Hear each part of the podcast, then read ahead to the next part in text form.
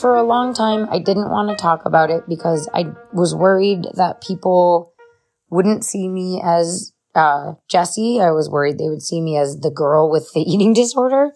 Som ung led den amerikanska längdskidåkningsstjärnan Jessie Diggins av svåra ätstörningar. We want to create an environment where right away, if somebody feels like they're struggling, they're able to get help. Hör Jessie Diggins berätta om sina erfarenheter i nästa avsnitt av Ätstörningspodden som släpps på måndag 1 maj.